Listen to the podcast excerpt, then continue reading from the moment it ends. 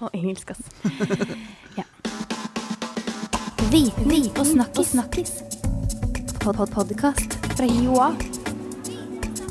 Viten og snakkis. Welcome back to a new episode of your favorite university podcast, Science Chatter. I think that is how Viten plus Snakkis translates. and Happy New Year's 2017. What a year. This is the Science Podcast, which gives you all the answers on your journey from a bad habit to better habits. And my name is Anniken, and I have to speak in English today because we have an international guest with us in the studio. But firstly, I have to introduce my fabulous colleague. Hi, Hallvard. Hello and happy new year. Happy, happy. Do, um, Hallvard, do you have any bad habits you want to get rid of? Well, that was kind of a personal question.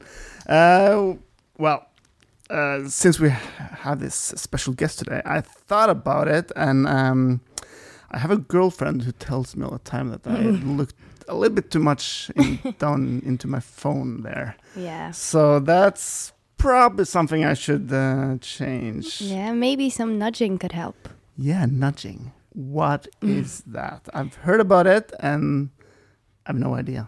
Uh, let's ask our guest about this. Uh, hello, Marco Tagliabue. Very good. Hello, everybody, and Happy New Year. First of all, welcome to our podcast. Uh, tell us about yourself. Who are you? Thank you. Thank you, Annika and Hallvard, for uh, inviting me. It's a pleasure to be here with you today. I'm uh, Marco. You spelled my last name very, very well. Uh, I'm uh, originally from Italy, and I'm a PhD student uh, here at the Høgskolen uh, in the Institute for uh, Behavioral Sciences. Yeah. Uh, That's, that's adferdsvitenskap. for That's correct. those Yeah, in Norwegian. A little translation there. Perfect. And uh, I moved here last year in order to start this uh, very interesting PhD uh, adventure. And so far, I'm really enjoying it. Especially, I'm very glad you brought up the nudging term Yeah. because it's uh, such a uh, enthusiastic and uh, and interesting concept we we're working with right now. Living really on the verve, going through a very very good moment uh, in Europe and uh, in North America, especially. So, it might be the way to go about, Hallvard. Okay. But before we go into nudging, why come to Norway when from Italy? Yeah. know, I know Italy is just a fantastic country, and then you come up here. I, I don't know if you noticed, but it's dark outside, it's cold outside. Marco, why did you do that? True. Uh, believe it or not, I came here for the food and the weather. yeah.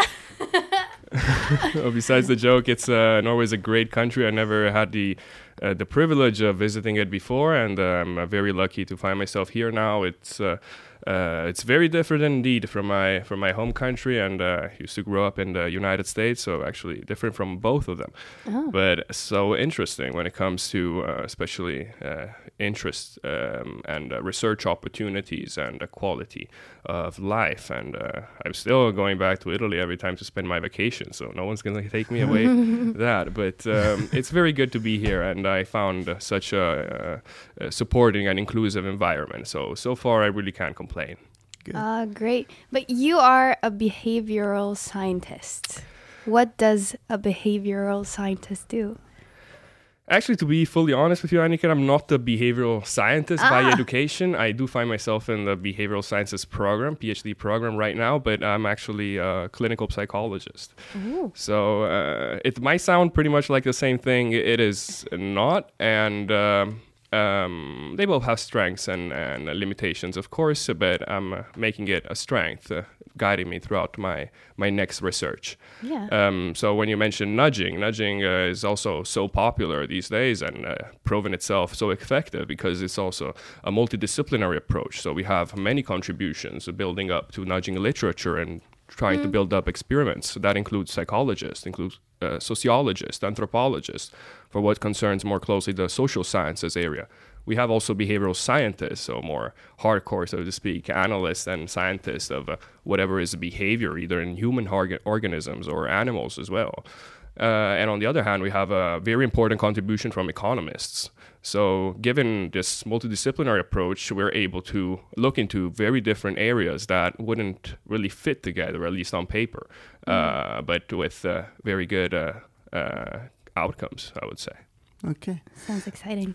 Okay, let's go into nudging because I thought because a long time ago Facebook had this uh, thing called to poke. You'd go into Facebook and you could poke someone, and I thought that was kind of like is that isn't that nudging? Indeed, um, um, Merriam-Webster uh, dictionary uh, gives as a first uh, uh definition of nudging the act to poke on someone's elbow, uh, finalized at getting someone's attention. Might also be translated into slightly pushing. Um, so uh, from that uh, conceptual and uh, metaphoric definition all the way to applying it in uh, research environments and uh, peer-reviewed articles which we are reading more and more often uh, it's quite a, a, long jump in that sense. But if we think of a broad definition of nudging and standing from its original formulation as any aspect of the choice architecture that alters people behavior in a predictable way then can you start uh, realizing where this poking comes from? Uh, there are many choices we have to face on a daily basis, and uh, uh, so many. They are overwhelming, and uh, our brain functionalities can't keep up with the same pace to which we are exposed to these stimuli on a daily basis. That's why sometimes all we really need is a nudge or a poke yeah. in that sense. Another aspect of, uh, of nudging, which comprises its definition, is not only the influencing part uh, component of the uh, choice, but also the retained free will. So, uh, fundamental component of nudging is never to forbid any option to whoever is in charge of making that choice. So, the, the options are still out there. It's just a matter of uh, making one more appealing compared to the other. Okay, so so help me out here. Um, back to the example of, of me trying to put away my phone a little bit and uh, not be looking down down at that all the time. How would like nudging work on my behalf?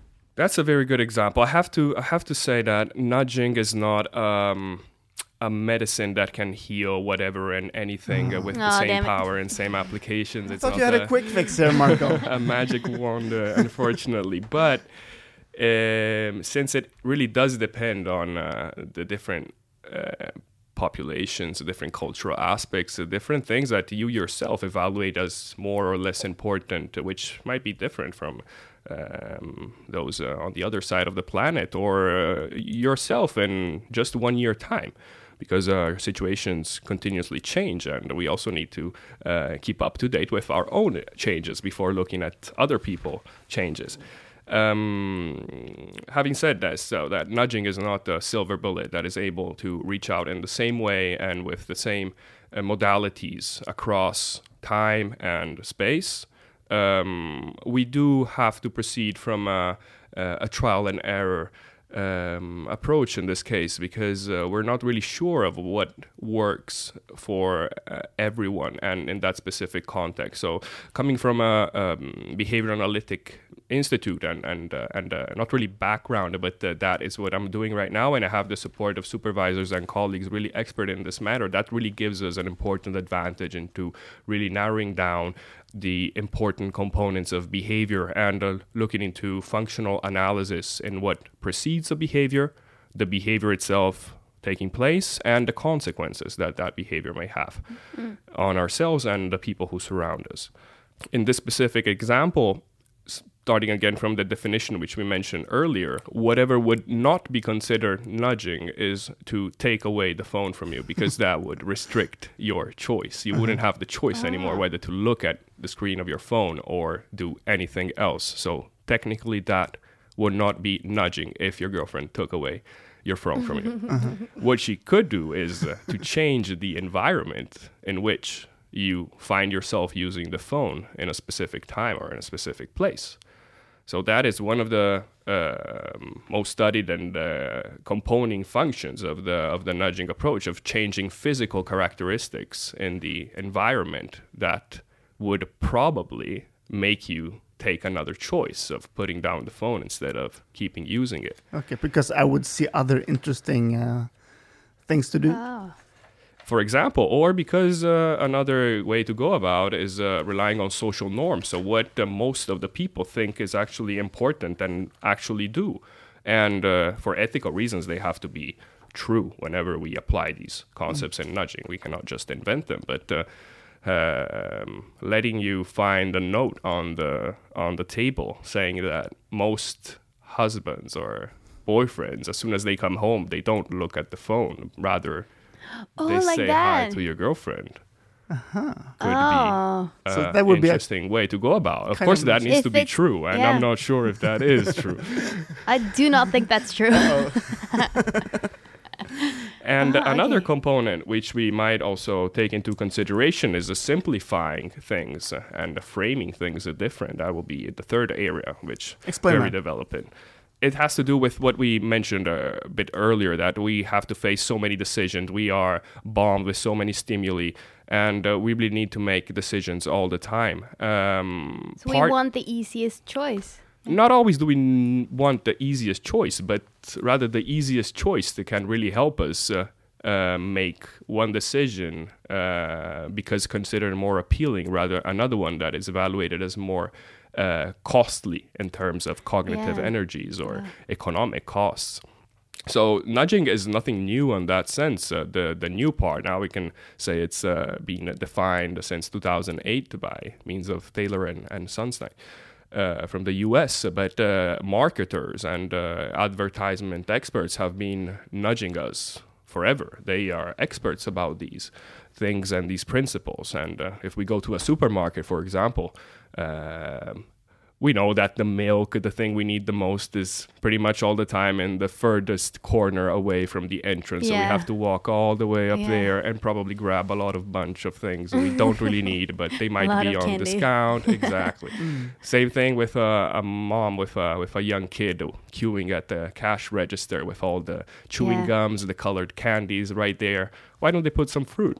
But if the kid starts crying and uh, the mother gets a bit stressed, it might be, or I forgot to buy that, even though I don't really need it. But now it's uh, just uh, uh, an arm way reach from me. So it's just uh, extending my arm and grabbing whatever I need. The kid will stop crying, or I will feel better with myself because I got Yeah. something that I didn't really need, but it looks good enough. And um, that is just an example, but uh, um, we, we, we really have to face so many decisions, and the mastering these concepts can uh, can uh, prove themselves a very very big advantage for those. Uh, implementing them so on the other side but also from the consumer side or our uh, in our daily human routines habits Yeah, uh, uh, is um, uh, Spotify is that nudging? Because before Spotify, people usually downloaded illegally, and then Spotify came, uh, so you could stream music. yeah So probably that was nudging, inventing Spotify or streaming. Uh, the music business, the music industry got more money, and the consumer had uh, an easier choice. Yeah, I see where you're going. I'm not sure if uh, I would agree saying that Spotify is nudging No? because I'm sure there are uh, many, many more complex uh, decisions uh, underlying. Uh, the Spotify market and why it was created and Yeah, how it works course. royalties. But if you consider just in, in plain terms, so simplifying it, that uh, the alternative choice uh, to Spotify would be downloading music, and uh, most of the times it's done uh, not within uh, legal boundaries. That shouldn't really be a choice if the other choice is an illegal one.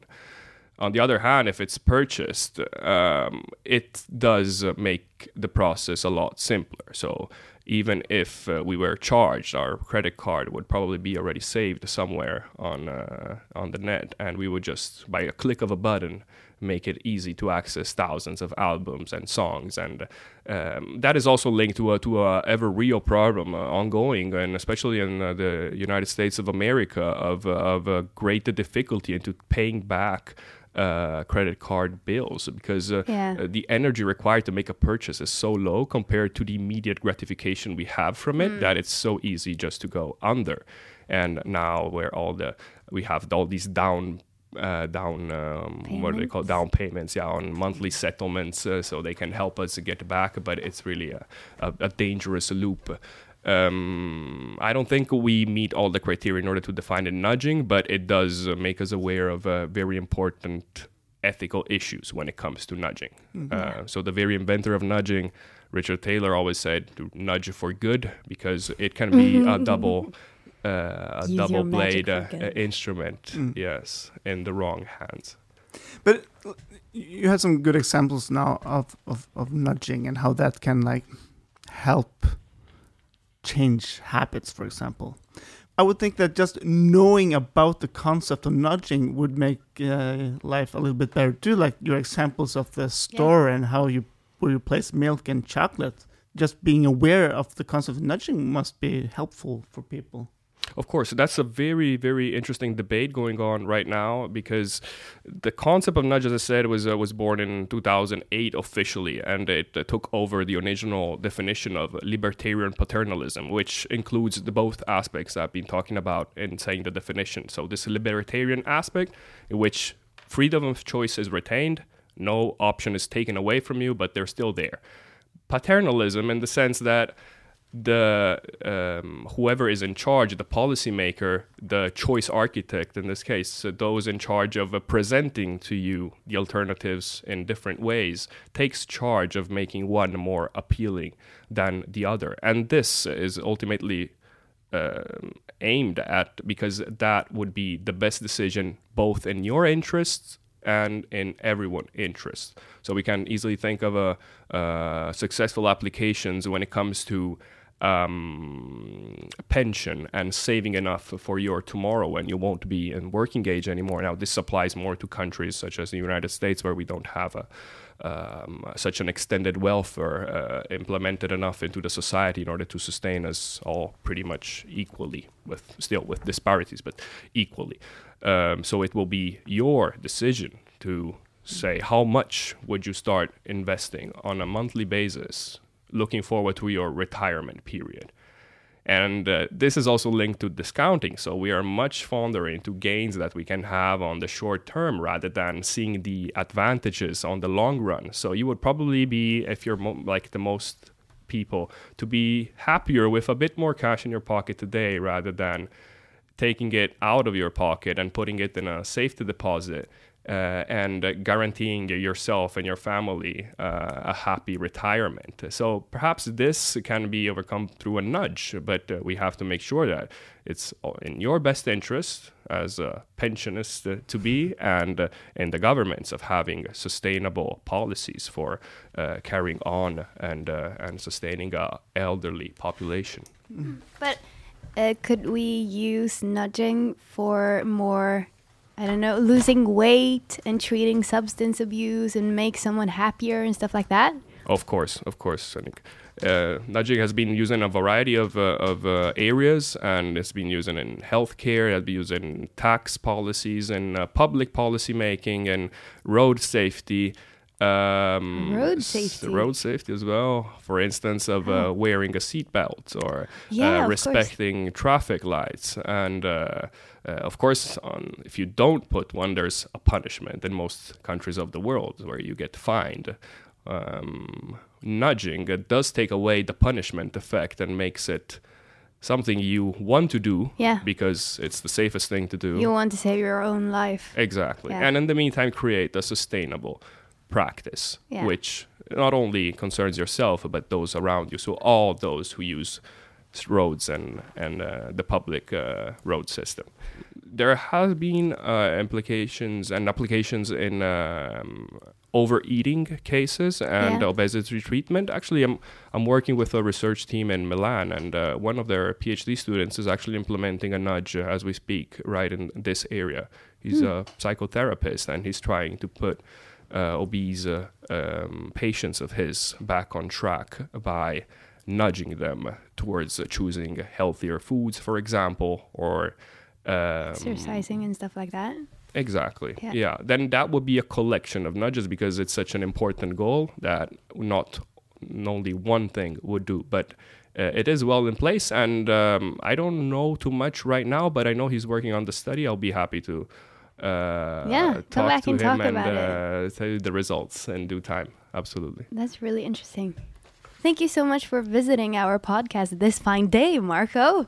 Thank you for inviting me. It's been a pleasure talking a bit about what uh, is driving my interest uh, right now with you, and uh, Yeah. I look forward to uh, being invited back to you, Yeah, maybe to share some important uh, developments, or even go into other areas of nudging, which we didn't have time to talk about here. It's it's such a wide area Yeah. with uh, great results that really we would need a 24-hour day. for. Yeah, yeah, we really got a, a general general good view here now of, Yeah. of the concept of nudging. So this is this is really interesting here. It is. So uh, I'm going to ask you to uh, send us some uh, links to where we can read more. So we'll put that on our uh, our blog when we share this podcast. So for you uh, listeners who Yeah. want to know more, visit our blog, and Marco will be sharing some good stuff there.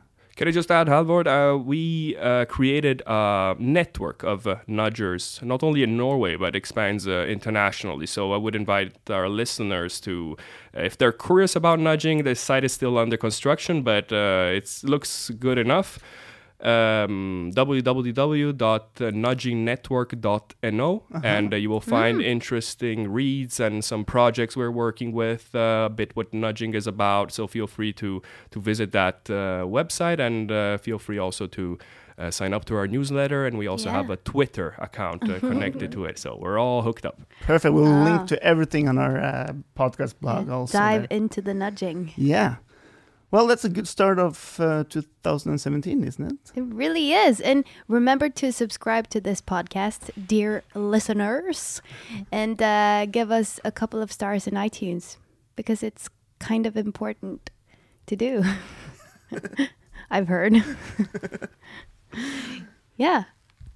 Bye bye. Bye. Have a splendid day. Ciao! Ciao. Viten og snakkis. snakkis. Pod -pod Podkast fra Joa. Viten og snakkis.